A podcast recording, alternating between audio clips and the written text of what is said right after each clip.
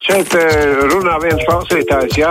No liepājas klausējas. No Siguldas zvana jums. Es gribētu dzirdēt. Tāruņa numuru mūsu studijā 6722, 888, 672, 559, rakstiet mums uz adresi krustpunktā Latvijas radio.lv vai sūtiet ziņu no mūsu mājaslapas.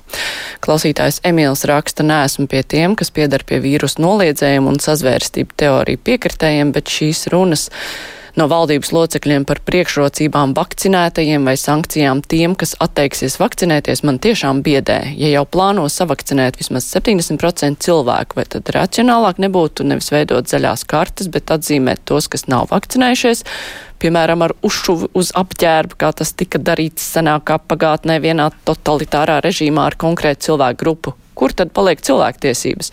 Vai šī Covid situācija jau ir tik tālu notrūlinājusi valdības vadītāju un ministrus, ka viņiem šādas runas liekas pieņemamas, vai šādas runas veicina uzticēšanos vakcīnām? Tā raksta Emīls klausītājs mūsu tā.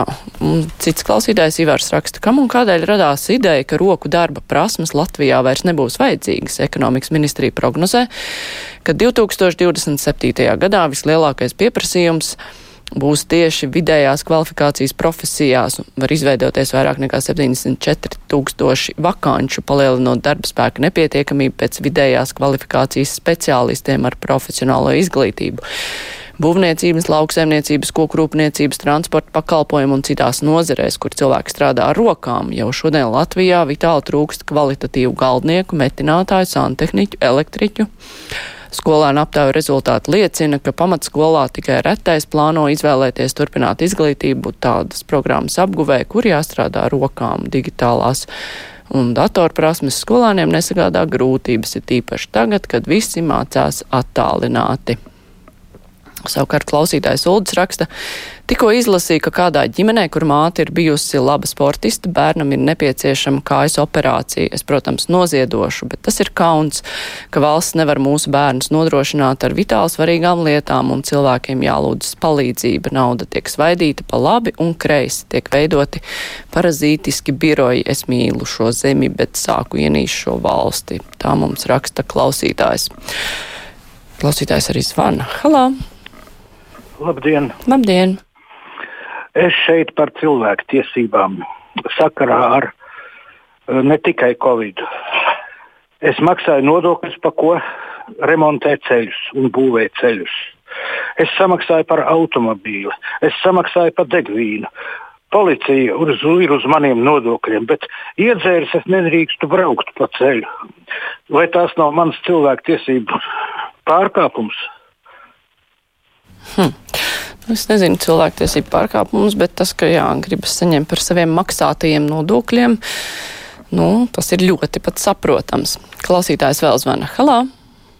Uh, labdien! Labdien! Uh, priecīgas uh, dienas šodien un visiem. Un es te gribu dalīties pārdomās. Biju uh, svētdien, biju uz futbola Valmiera Vēnspili. Nu, spēle bija tiešām skatām, un, bet nu, es domāju, ka Vēnspils treneris nu, tur gāja vaļā Krievu mati no vienas vietas. Bērni klausās, viss. Vai tā Latvijas futbola federācija tam neseko? Hmm. Nezinu, kā nu es sekotam. Klausītājs Vana Halā.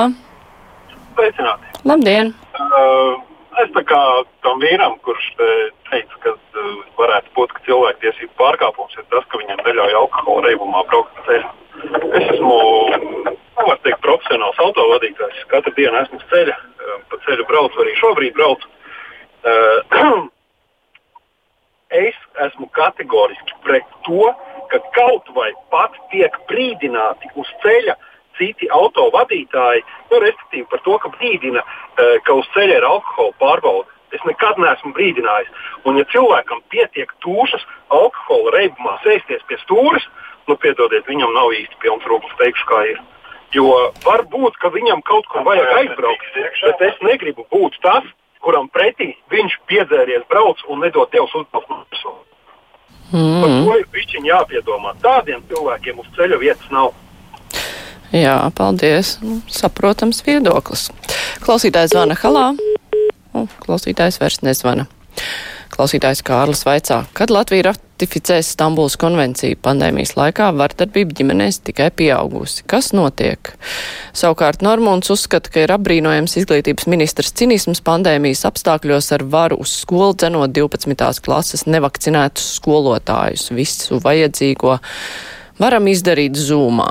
Nu, te ir koks ar diviem galiem. Visu vajadzīgo, diemžēl, nevar izdarīt zūmā. Ir daudziem vajadzīgi klātienes. Nu, satikšanās ar skolotāju mācības, bet skolotājs arī var ļoti saprast, ka viņi baidās nevakcinēti doties uz skolu. Savukārt eh, bijusī skolotāja Olga pilnīgi piekrītot um, Šuplinskas kundzei, labs skolotājs, audzinātājs, tik tiešām par saviem skolotājiem domā 24 stundas diennaktī. Atceros, kā gan mani skolotāji, gan kad pati jau biju skolotāja skolēniem, kur nebija apgūši mācību vielu. Pēc stundām mācījām savus skolēnus un pilnīgi bez jebkādas atlīdzības vasarās pie saviem audzēkņiem gājām uz viņu mājām, apskatīties, kā viņi dzīvo, ko dara, satikties ar audzēkņu vecākiem, un par to mums arī neviens nemaksāja un nevienam skolotājiem pat prātā neienāca prasīt kaut kādu samaksu. Un tas, tās 24 stundas dienā, nu, tas ir tāds koks ar diviem galiem, jo arī skolotājiem ir savas ģimenes un viņiem arī ir savi bērni, kuri savus vecākus grib redzēt, eh, nevis eh, grib redzēt mājās mammas vai tēta vietā tikai skolotāju kādam citam bērnam. Tā kā tur ir nu, dažādas puses šim jautājumam. Klausītājs zvana. Halā! Labdien! Labdien! Es uh, saprotu, ka mūsu valstī bija referendums un par valsts valodu ir apstiprināta latviešu valoda. Viņa ir nostiprināta ar likumu. Bet šodien sākās Latvijas kāda čempionāta fināls turnīrs. Tiksies tāda komanda Olimp un Jelgava. Bet komandai Olimp uz vēdera uzrakstīts logo, logo Olimp, Krievu valoda. Kā to saprast? Un uz otras formas uzrakstīts latviešu valoda. Vai tad mums Latvijā pastāv šis valodas likums? Es nezinu, vai valodas likums reglamentē uzraksts uz sportistu krekliņiem. Bieži vien uz sportistu krekliņiem tur jau arī ir uh, firmu nosaukumu un viss kaut kas. Tā kā man šķiet, ka tas nav regulēts, bet uh, varbūt vajag izpētīt valsts valodas likumu. Jūs to varat darīt. Likums ir pieejams internetā. Klausītājs Vēna Halā. Sveicināt! Rīga izmisīgi cīnās par tīru gaisu, bet tai pašā laikā atļauj pie augstas degvielas tilta uzcelt spēkstaciju, kur, kur normāli. Kūpus, kurstenis visu dienu, no rīta līdz vakaram un panākt arī. Rīgas centrā. Kāpēc? Un tā pašā laikā privāti mājām uh, it kā taisās taisīs kurstenis ciet. Mm -hmm. Vēl klausītājs zvana. Halo!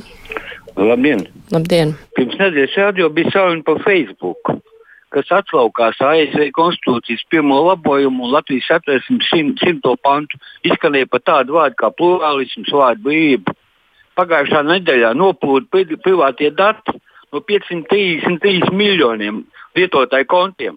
Un tagad tos iegādāties melnā tirgu. Tur bildīts visāds, nu, viss, kas, ko, ko, ko cilvēki negribētu, lai citēts. Un tagad es domāju, vai pie vainas ir hakeri bijuši, vai pats Pētekls Cukerbergs tā izrāda savu varu pār cilvēkiem. Kurš iedomājas, ka viņam pasauli pietēs? Paldies! Jā, klausītāja mamma raksta.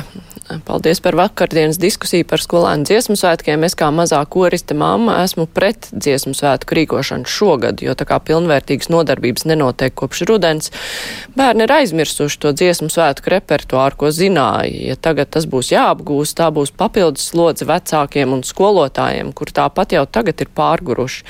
Brīnos, kurā paralēlajā pasaulē dzīvo Inns Teterovskis. Varbūt viņš saskars tikai ar jauniešiem, kur ir dziesmu svētku repertuāru apguvuši jau senāk un vēl kaut ko no tā atceras dziesmu svētku rīkotājiem. Lūdzu, lūdzu, nesabojājiet vasaru. Klausītājs Vana Halā. Radio. Jā, radio. Sakiet, lūdzu, nevarat pastāstīt, kā var tikt mēs no tiem vīrusiem? Braukt pienāk lidmašīnas, izšķirot cilvēku, slimēls, slimnīca, pārnēsātais kontaktpersonas vajadzēja karantīnā likt.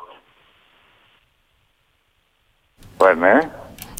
Nu, cilvēkiem, Vai- kur ierodas, viņiem jau ir pašizolācija obligāti. Nu, bet eh, viņi nav pārbaudīti, varbūt. Nu, parasti jau pārbauda visādi. Jau. Protams, katru jau pārbaudīt ir grūti, bet nu, pienākums viņiem ir. Un, ja pārkāp šos noteikumus, tad tur ir diezgan pamatīgs sots. Artūrs raksta par Olimpu. Šis jau sen izrunāts, ka Olimpi ir nevis krievu burti, bet grieķu.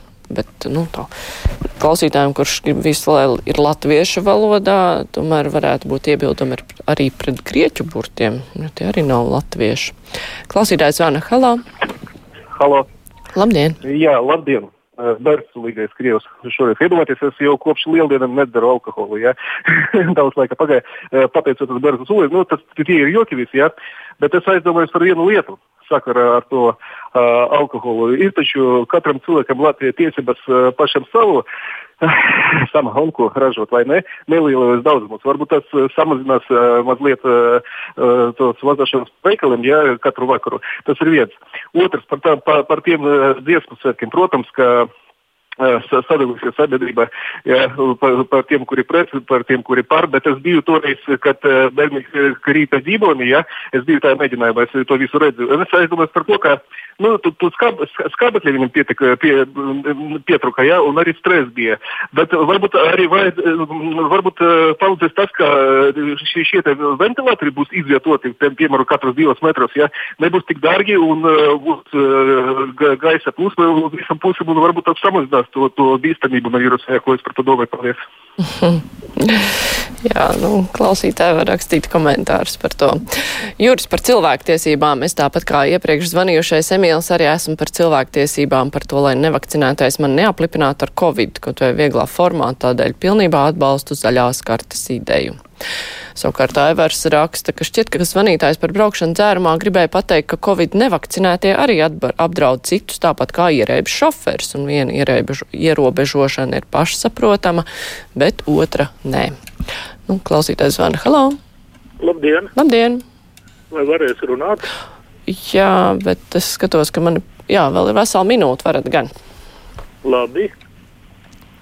Lūdzu, runājiet, laiks iet uz priekšu. Lab, labdien!